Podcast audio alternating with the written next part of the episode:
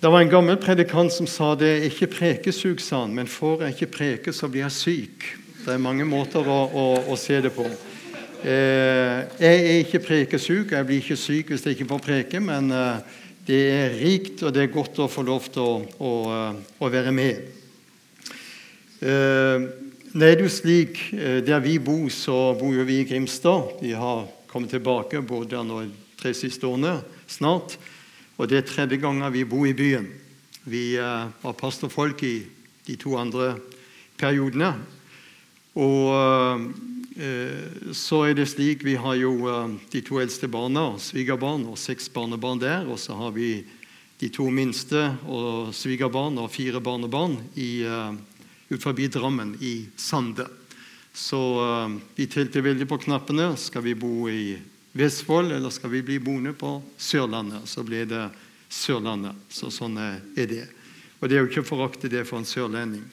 Unni hun er helnorsk, hun, så hun er født i Hammerfest. Og jeg er født ute på Lindesnes. Og hvordan vi treftes, det får du ikke greie på i kveld, altså. Men uh, det, det, er en hemmelighet. Det skal jeg love deg. Det skal jeg love deg. Så vi har nå uh, vært gift i snart 45 år. Og vi har jo hatt mye ekte med ektepar å gjøre opp igjennom. Jeg har sagt det at to som har vært gift, når de har vært gift i, så lenge som eh, oss, så kan du se til og med nesene begynner å peke mot hverandre. Så det er noen merkelige greier. Og en blir liksom veldig ett. Så det er jo veldig, veldig, veldig flott. Ja, i uh, kveld så uh, kom der noen løfter til meg. Og Disse løftene skal vi ta som et utgangspunkt eh, for det jeg vil eh, si. Og eh, Vi skal slå opp for Bibelen i Jesaja 41. Og Arvid har allerede understreket så fint ved sin innledning. Men Jesaja 41 Jesaja er jo regna for evangelisten blant profetene. Og Der uh, står det slik i Jesaja 41, vers 10.: Frykt ikke, for jeg er med deg. Se deg ikke engstelig om, for jeg er din Gud. Jeg styrker deg og hjelper deg og holder deg oppe med min rettferds høyre hånd. Og vers 13.: For jeg er Herren din Gud, som holder deg fast ved din høyre hånd, og som sier til deg:" Frykt ikke, jeg hjelper deg. Så ber vi, Herre, om nåde. Vi ber om visdom. Vi ber om at du vil åpenbare ordet for oss, så vi skuer lys i ditt lys. Og vi ber, Herre, for hver eneste en som er kommet inn her i Betania i den ettermiddagsstunden, at du vil få tale til oss, gjøre ordet ditt levende, og la den enkelte Herre få lov til å få et større syn på deg og ditt ord. Det ber jeg om i Jesu navn. Amen. Løftene er veldig viktig å ta til seg. Og Jeg har satt som overskrift 'Frykt ikke for denne tid'. Frykt ikke for denne tid. Og Når det gjelder frykt, så står det 366 ganger står det 'frykt ikke' i Bibelen. Og vi må ta til oss av ordet. Vi må holde fast i ordet og i løftene. Og vi må bruke ordet og løftene aktivt. Og vi må tale dem, og vi må praktisere dem. Hvorfor det? For død og liv, sier Bibelen, det er i tungens vold. I det vi las fra Jesaja 41,10, så har vi jo et løfte for hver eneste dag. Og du har en veldig flott mulighet når du våkner i morgen, så kan du si 'Frykt ikke, Gordon, på mandag'. For jeg er med deg på tirsdag. Se deg ikke engstelig om for på onsdag. For jeg er din Gud på torsdag. Jeg styrker deg på fredag, hjelper deg på lørdag og holder deg oppe med min rekkers høyre hånd på søndag. Amen. Og da har du denne personlige hilsningen. Frykt ikke i vers 13. Jeg er Herren din Gud som holder deg fast ved din høyre hånd, og som sier til deg 'Frykt ikke, jeg hjelper deg'. Vet du hva jeg er glad for? Paulus skriver i 1. Tessalonika-brev 2, vers 13.: Guds ord, hva gjør det? Det virker med kraft, står der, i dere som tror. Så troen må smelte sammen med ordet. Da virker det med kraft i livet ditt. Og Derfor kjenner du også hva Paulus skriver til korintermenigheten. Eh, Guds løfter de er ikke ja-nei. Men, sier han, ja er de blitt i ham. For så mange som Guds løfter er, i ham har de fått sitt ja, og ved ham har de fått sitt amen. Gud til ære ved oss. Og med denne bakgrunnen, når vi vet hva Guds ord er, og vi har løftene, så opplever vi i dag en veldig underlig tid. Det er uro i dag i folkehavet. Hav og brenninger bruser, sier Bibelen. Hav og brenninger bruser. Da sikter det først og fremst også til det som har med folkehavet. For etter første verdenskrig så ble det aldri ro igjen i folkehavet. Når han sier hav og brenninger, så er det også en dobbel betydning. For det at Amerika har over 100 store ubåter, og Russland har like mange. Og flere av disse er store atomubåter. Og jeg vet ikke om du er klar over bare én slik amerikansk eller russisk atomubåt den utgjør en mye større våpenmakt enn første og andre verdenskrig til sammen. Hav og brenninger bruser. Og tenk det vi opplevde for uh, Det var vel på slutten av 80-, begynnelsen av 90-tallet, når den enorme ubåten til Russland, Kursk Det ble en eksplosjon i baugen på den, og den sank. Og 180 unge russiske eh, menn om bord fikk den sikre død. Hadde den atomubåten eksplodert som den egentlig burde, hadde vi fått en flodbølge opp mot 40-50 meter som hadde rullet inn over Finnmarkskysten. Hav og brenninger skal bruse.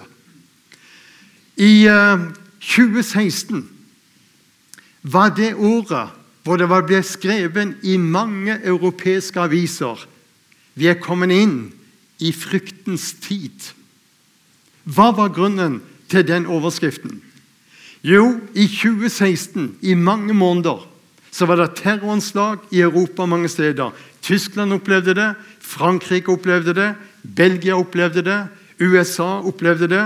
Det smalt også, kjenner du til, i eh, Stockholm og mange, mange andre land. Og verdens politiske ledere de samtalte seg mellom og sa det er frykt som sprer seg i Europa. Og den vanlige mann og kvinne den snakker sammen i 2016 hvilken frykt de da kjente på. Og Jesus nevner dette med frykt som en av tegnene på hans gjenkomst. Har du tenkt på det? For han sier der i uh, Lukas 21, vers 25. På jorden skal folkene bli grepet av angst, som er det samme som frykt. Bli grepet av angst eller frykt. Og I samme momentet, i vers 9 i dette kapitlet, så sier Jesus at det skal være krig og opprør som vil spre skrekk på jorden. Og vi ser, når det gjelder det ordet som vi nå har lagt bak oss Hvem hadde trodd i 2019 at vi skulle gå inn når vi kom ut i mars, hvor alt liksom skulle stenges ned? Det var ikke noen som hadde forutsett en sånn en situasjon. Og det ordet som vi nå ligger bak, så har jeg sagt det er tre ting som du skal gi akt på, som dette året har vært med og vist veldig synlig for hele verden. Det er noe som er mye verre enn viruset covid-19. Det er et annet virus, og det viruset det heter frykt. Og frykt, den binder. Og når jeg da tenker på alle de ufrelste verdensmennesker som frykter, men denne frykten den er også kommet veldig sterkt inn iblant mange kristne. Og så las vi ordet 'Frykt ikke, for jeg er med deg'. Det andre som vi har sett, det året som vi eh, nå ligger bak, det er det pengeløse samfunnet som tvinges mer og mer på oss alle sammen. Kontanter er liksom ut. Du må ha kort, for det er det som er viktig. Det tredje som er blitt veldig tydelig det siste året, vet du hva det er? Et mye sterkere kontroll og overvåking. Og det vi nå ser, er det jeg pleier å si dette er begynnelsen på Vienna. Og vi vil se ettersom tiden går, at mange ting vil forsterkes. Og det vi nå har vært igjennom, det er forløpere, det er tegn som vil være med å framtvinge enda sterkere mot det antikristelige. Og jeg vil si til deg i kveld, eh, hvis du er inne på nettet og søker så skal du gå inn og så skal du søke på Agenda 2030. Og Hvis du søker der, så vil du se FNs bærekraftige mål. Og du vil se hvordan Norge legger seg inn under dette. Men det som jeg syns er veldig skremmende med FNs bærekraftige mål, vet du hva det er? Da kom ei lærerinne til meg. Hun uh, hadde kollegaer i barneskolen, og hun var selv i ungdomsskolen og også på videregående. Så sier hun det. Er du klar over, Gordon, at i KRLE-faget så er Bibelen nå blitt borte? Koranen har de beholdt. Men istedenfor Bibelen og kristendom så er det FNs bærekraftige mål som nå ungdommen i de norske skolene skal undervises i. Og hva er det? Det er ren humanisme. Er du klar over det?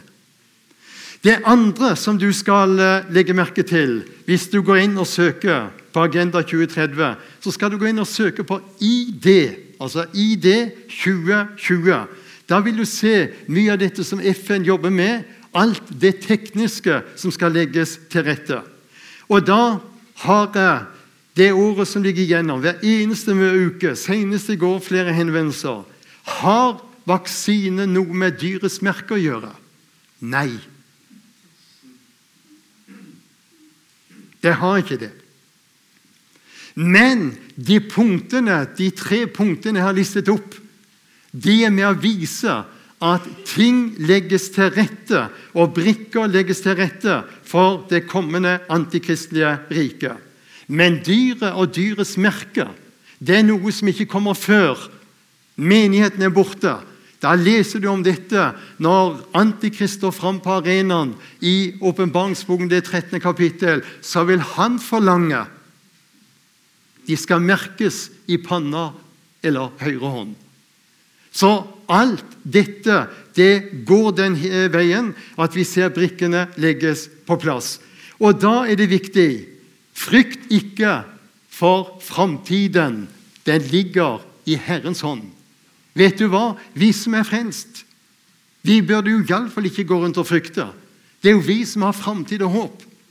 Jeg kom til ei eldre dame, og hun var så redd for å dø. Så sa jeg det må du slutte med. seg. Du kommer ikke levende fra det likevel. sa Det dummeste du har gjort, det er å sitte og frykte for døden. Derfor skal jeg ta deg med litt videre. Verdenssituasjonen er veldig urolig i dag. Vi kan begynne her i Europa. Hva skjedde i 2014? Russland og Ukraina hadde store flåtebaser på Krimhalvøya. Men Russland hadde gitt Krimhalvøya for mange år tilbake hadde de gitt den til Ukraina. Plutselig så går Russland inn og så annekterer den hele Krimhalvøya. Uten at verden kunne gjøre så veldig mye. Og hva har foregått de siste seks årene spesielt mellom Ukraina og Russland? Denne stadige trefningen langs denne ukrainske og russiske grensen. Og i dag rustes det opp som aldri før, og de frykter at det kan slå til en eh, kortvarig krig i, allerede i neste måned. Og da bes inderlig i dag i Russland, da bes inderlig i dag i Ukraina at Gud må forhindre dette, at de må komme til sans og samling. Men vi ser en veldig opprustning. Hvis vi går litt videre, utvider sirkelen Tenk på Amerika. Hva har Amerika vært? Den ledende verdensmakten gjennom mange, mange år. Og vi her i Europa står i takknemlighetsgjeld til Amerika. Vet du hvorfor det? Det var de som kom Europa til unnsetning både under første og andre verdenskrig. Og så har jeg sagt de siste 20 årene Vi kommer til å se at Amerika vil få større og større indre problemer. Amerika kommer til å bli mer og mer borte når det gjelder Midtøsten. Mens Russland, EU, kommer til å komme mer og mer på banen. Og I de fire årene under Trump så var det mange som rista på hodet når jeg sa det. Du ser jo det at Blir han gjenvalgt, så, så blir det jo bare fryd og glede. Så måtte jeg si jeg tviler på han gjorde utrolig mye bra for Amerika og for Midtøsten. Og jeg tror han hadde blitt gjenvalgt hvis han ikke hadde vært så sleivete i, eh, i munntøyet. Det var ikke noe bra når det gjaldt den herremannen. Men skal du høre det vi opplever i dag, er et Amerika som er satt i revers. En ledelse i dag i Amerika som gjør, og er inne hver eneste dag og hører på Fox News og CNN er ganske taus. Og når CNN sier, ikke sier noe, så sier ikke VG eller Dagbladet noe. NRK TV 2 sier heller ikke noe. Da er det liksom bare å døyve ned. Men pga. den Biden-administrasjonen som er i dag, så er de tafatt. Og den situasjonen som Amerika er i nå, er, har gjort at Russland kjenner mer fritt spillerom. Kina er i ferd med å gjøre akkurat som de vil. Og til og med Iran blåser en lang marsj av Amerika. Og situasjonen er den at når det gjelder i Midtøsten, med Syria, hvor uh, Syria i dag er invadert av Russland Og hør hva jeg sier nå, for den situasjonen er veldig spesiell. Vi har aldri vært i en sånn situasjon i Midtøsten som det vi er i dag. Og vet du hva det er?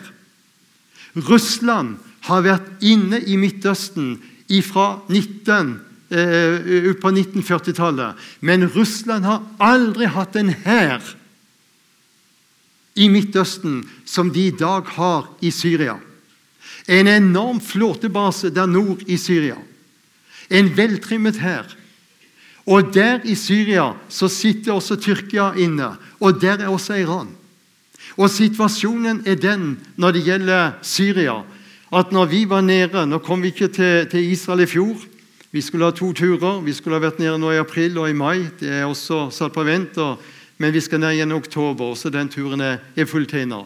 Men når det gjelder i 20, eh, 2019, som vi var nede både vår og, og høst Og jeg snakka med høytstående offiserer der oppe på Golan og spurte hva mener dere om situasjonen. Vet du hva de sa? Vi bare vet det kommer en krig. Vi er fullt mobilisert. Vi er klare til å slå eh, eh tilbake. Og så spurte da troende offiserer der i den israelske hæren, som jeg kjenner en del, har vært der nede over 60 ganger, så da knytter du en del kontakter. Og så sier da disse troende offiserene Gordon sa han ene, gå hjem og les Esekel 38. Der er situasjonen vi er i dag i Midtøsten.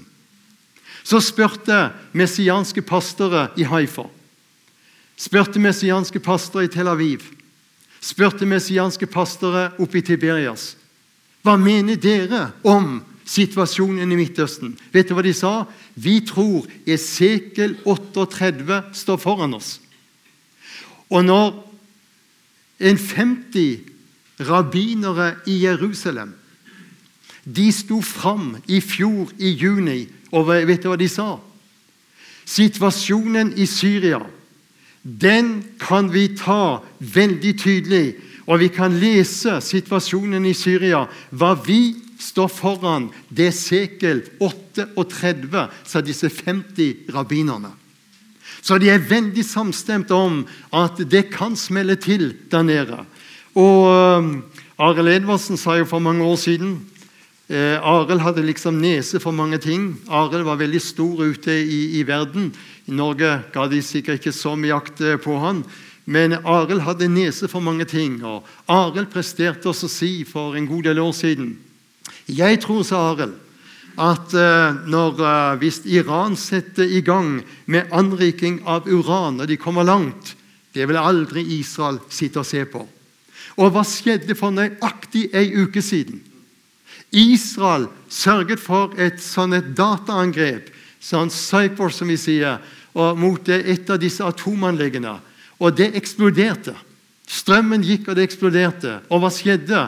Nå ble plutselig Irans atomarsenal eh, og anrikning av uran satt tilbake over ni måneder, regner de med.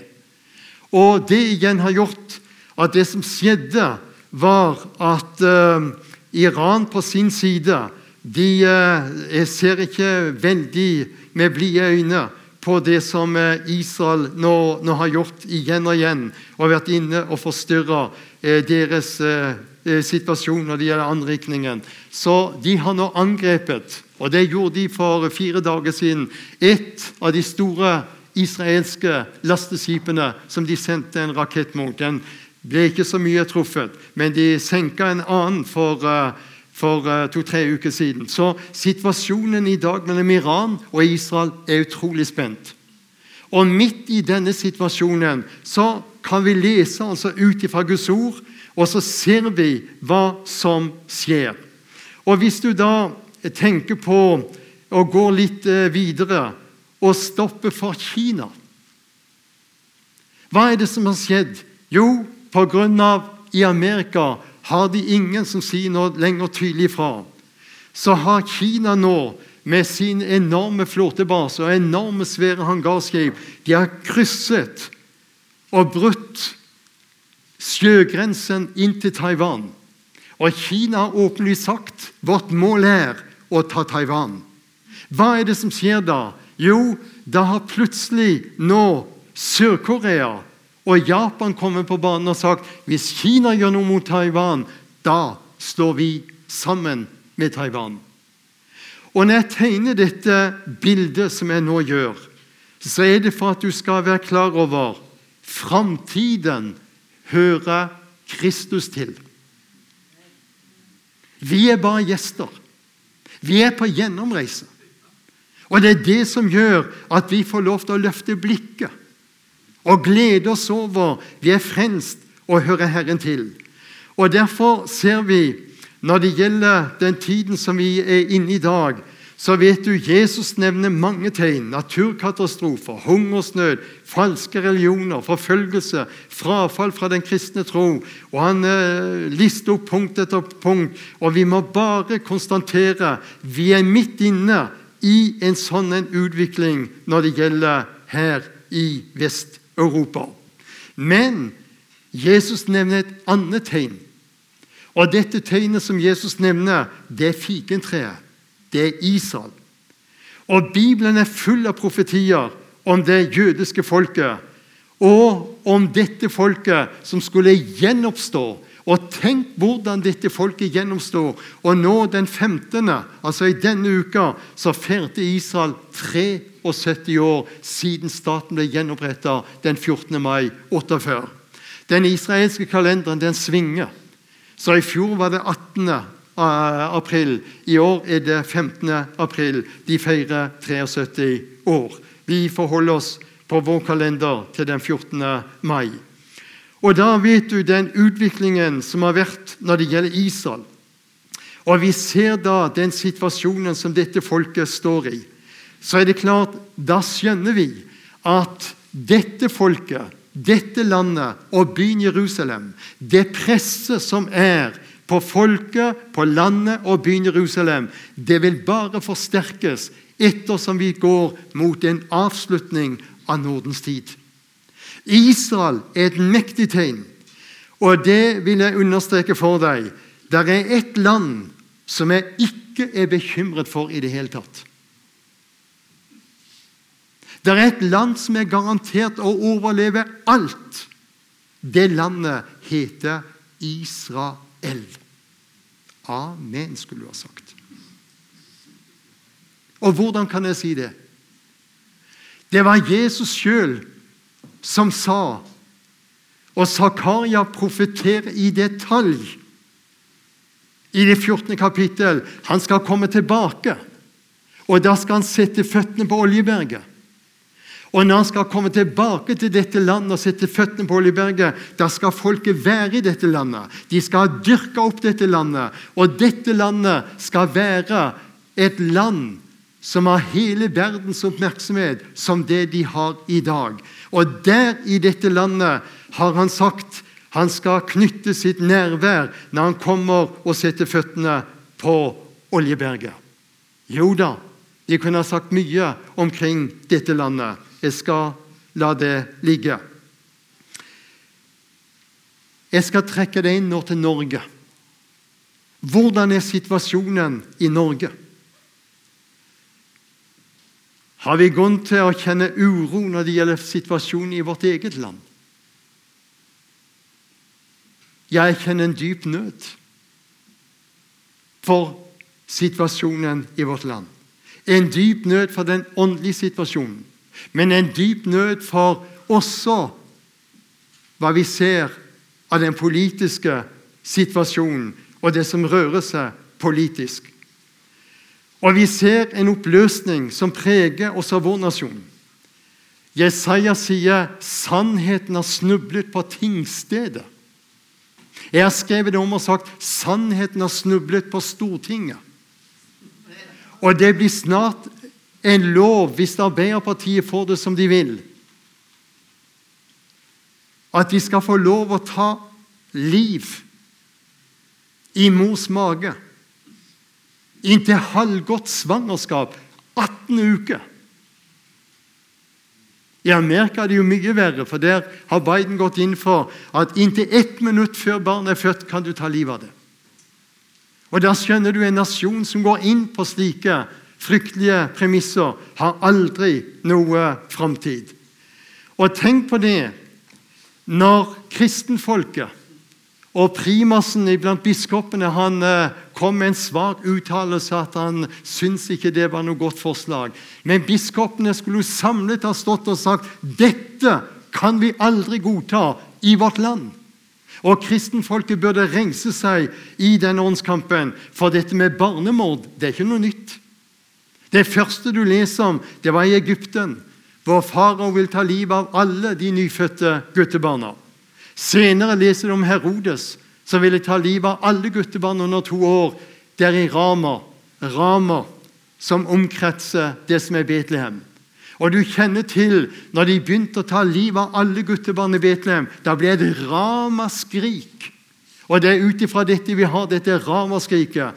Når uh, det barnemordet var under Herodes, alle disse guttene som ble tatt livet av fordi de skulle ta livet av Jesus. Og Vi ser også i dag, og det syns jeg er veldig spesielt Det har kommet en ny lov som heter troeslov. Og Denne nye troesloven den har gjort at menigheter, de fleste menigheter de søker om det kommunale og statlige tilskudd.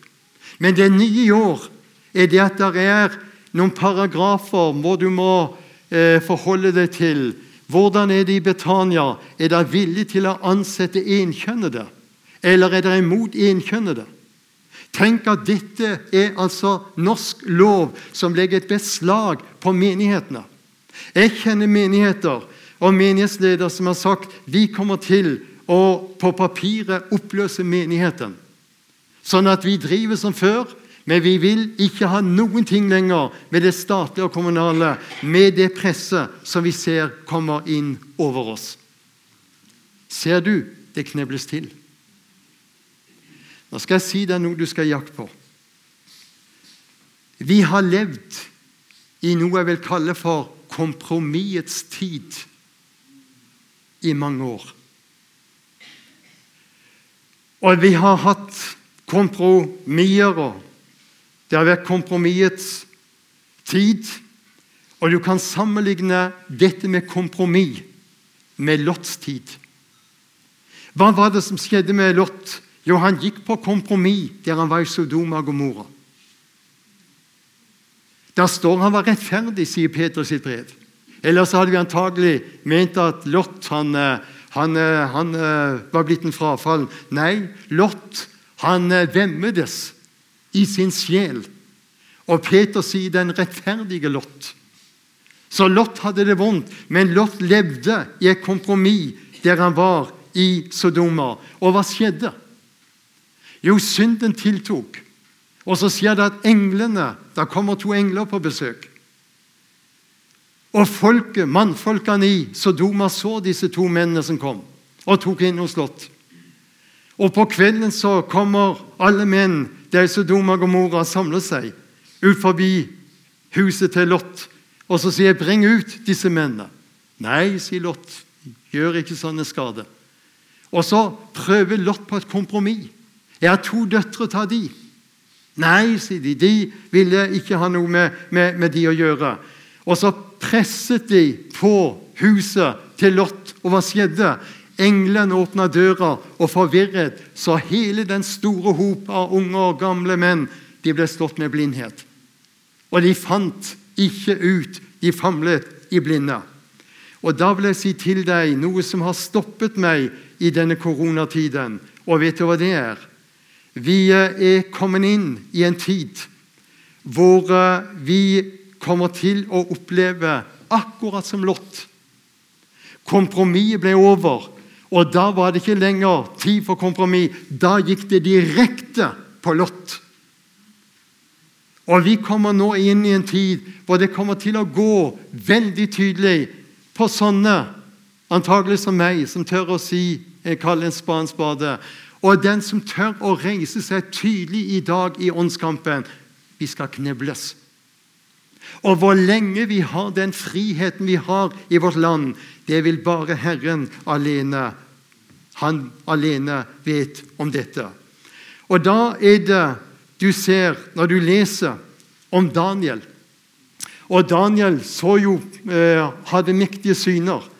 Og Daniels mektige syner om det han så, han sier det i Daniel 8. kapittel. For synet, sier Daniel, det sikter til en fjern framtid. Og hør, den fjerne framtiden som Daniel så, den er vi midt inne i dag. Les Daniel det åttende kapittel når du kommer hjem, og du vil bli forundret over hvordan Daniel så inn i en tid som vi står rett foran. Derfor er jeg veldig glad for Daniel står som et flott eksempel på Guds menighet i endetiden. Hva var det Daniel gjorde? Aksepterte han situasjonen? Nei, han gjorde bønner og forbønner. Og Daniels bønner den gjorde at himmelen var som stengt i 21 dager. Men så kom engelen Mikael og stred mot den åndsfyrsten som var over Persia. Og så ble det seier. Og så var det så fint det der står at Herren kom på grunn av dine ydmyke bønner, Daniel. Og hør Er det noe som trenges i 2021 i vårt land, så er det ydmykhet innenfor en tre ganger hellig Gud. Jeg tror vi igjen trenger å gå kneveien og be Herre, du må se i nåde til landet vårt. Du må rekke ut din arm, og du må virkelig gripe inn og rekke ut din arm, Herre. Og så vet du at eh, Herren rørte ved Daniel. Og han sier, 'Frykt ikke', sier han der i Daniel 10,18, 'du høyt elskede mann'. Fred være med deg, vær fremodig og sterk. Og som han talte med meg, fikk jeg styrke, og jeg sa, Tal, Herre, for du har styrket meg. Halleluja. Vet du hva? Du skal slippe å frykte. For den fullkomne kjærlighet, den driver frykten bort. Og da vil jeg si til deg nå mot slutten Framtiden, den tilhører Kristus. Halleluja.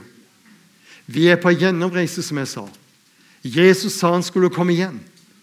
Og Derfor står det så fint i Tessalonikerbrevet han skal selv komme ned med overenglens røst ned i lufthimmelen. Og så skal vi, som Gustav Svennik så flott eh, hadde anskuelsesundervisning for oss barn på søndagsskolen, en svær magnet og en kraftig eh, haug med, med, med, med sagensponer og flis på, eh, på et bord der framme i salen. Og så tok han da en svær av disse arbeidsnevene sine og hev spiker og skruer og rota til i denne flishaugen. Så sa han 'se her', sa han. Så tok han denne kraftige magneten som hadde stått i en båt, og så senka den ned. Og når den kom ned et stykke, så plutselig levde hele flisehaugen. Det var bevegelse i flisehaugen. Og så senka han den litt lenger ned. Der skvatt spikrene og, og mutterne de skvatt opp, og så satte de seg under denne kraftige magneten. Sånn blir det sånn når Jesus kommer igjen. Dette må dere aldri glemme. Jeg har aldri glemt det heller.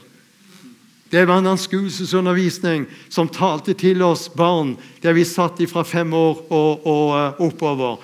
Derfor vil jeg si til deg Hør, bak død og grav venter der oss en salig og evig tilværelse. Jeg går selv bort, sa han, for å berede sted. Og så sa han det.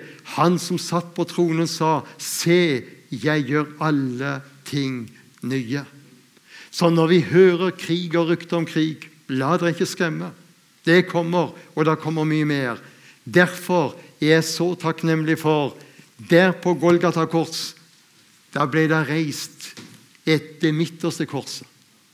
Og det midterste korset, det er slik at det midterste korset, det har den midterste trestokken. Den betyr at sakene mellom Gud og mennesket ble ordna der på korset. Tverrstokken som går over,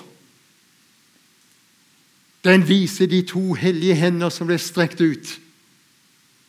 Den frelse som ble tilveiebakt der på Golgata kors, den strekker seg ut, og den gjelder alle mennesker. Det var derfor Paulus, når han skriver Feserbrevet, så taler Paulus om høyden og dybden og lengden og bredden. Hva er det Paulus beskriver? Det er Golgata, korset og forsoningen. Amen. Og tenk på det, alle som sitter her inne i Betania, vi har et dobbelt kors på oss. Øynene og nesa og munnen danner kors. Når du slår ut hendene sånn, blir det et enda bedre kors. Så Gud har plassert korsets merke på oss, og han sagt det fins ingen fred utenfor meg. Derfor står han med en åpen favn. Er du kommet inn her i Betania i kveld og ikke er frelst, så skal du vite det. Predikeren vismannens side 12. kapittel, vers 13. Slutten på det hele. Etter alt jeg hørte dette. Frykt Gud, hold Hans bud. Det er noe som gjelder alle mennesker. Vet du hva jeg er glad for? Jesu favn står fremdeles åpen, og du er velkommen, og du kan forsøke Han. Vet du hva jeg syns er fint? Når jeg reiser sånn rundt, så ser jeg av og til en og annen rekke opp hånda og tusler fram og sier de tonene vi hørte i kveld, det var det jeg hørte i ungdommen. Jeg har vært borte fra Gud i 40 år, var det en som sa. En annen hadde vært borte i 60 år. Da var han noen 80. Og han tusla fram. 'Kan du be til Gud for meg?' sa han. 'Dette du har løftet fram i kveld, kjenner jeg bare rører ved meg. Jeg må bli frelst.' Og jeg skal si han ble frelst. Og så viste det seg han hadde hatt foreldre som hadde bedt for ham. Han hadde hatt søsken som hadde bedt for ham. Han hadde vært borte i mange år pga. bitterhet og mange ting. Men denne gamle karen på 88 år overga seg til Gud. Og jeg skal si det ble liv på bedehuset den kvelden. Det var ikke et tørt øye på det stedet jeg var. Og de gråt og de fryda seg. Tenk, som jeg, sa, han har jeg bedt for i 40 år. I kveld kommer han. Det er klart det ble glede. Det er dette vi ønsker det skal skje i våre menigheter. Enda mer. Det er tid, venner, for bønnebarna kommer. Amen, skulle du ha sagt nå. Det er tid for frafall å komme. Og det er ikke tid lenger til å sove. Det er tid til å være fullt våken. Herre, vi takker deg. Du ser hva vi har løftet fram. Du vet om de eh, tanker som er kastet ut. Og vi ber, Herre, at vi må forstå tiden. Og du selv har sagt at da vi kjenner tiden. Og vi ber, Herre, om at du skal gi nåde. Gi nåde over hver eneste en som er her inne i denne kveldsstund. Velsign du, Herre, og la hver eneste en ha sin sak i orden med deg, Herre. Og så ber vi for Kristiansand, denne byen hvor det er så mye leserfolk, denne byen hvor det er mange menigheter og troende mennesker. La det bli en innhøstningsår, Herre. Et år hvor vi får se at mange kommer og venner seg til deg. Hvor du fyller kirker og bedehus og menigheter med søkende og lengtende mennesker. Herre, vi kjenner bare det er nød over landet vårt. Og vi ønsker bare å se at du igjen rekker ut en arm. Og vi kjenner Jesus, at vi er på vei mot en avslutning. Men for oss som er frelst, så er det ikke en undergang. Vi er på vei mot en herlig overgang. Halleluja. Vi ærer deg. Amen.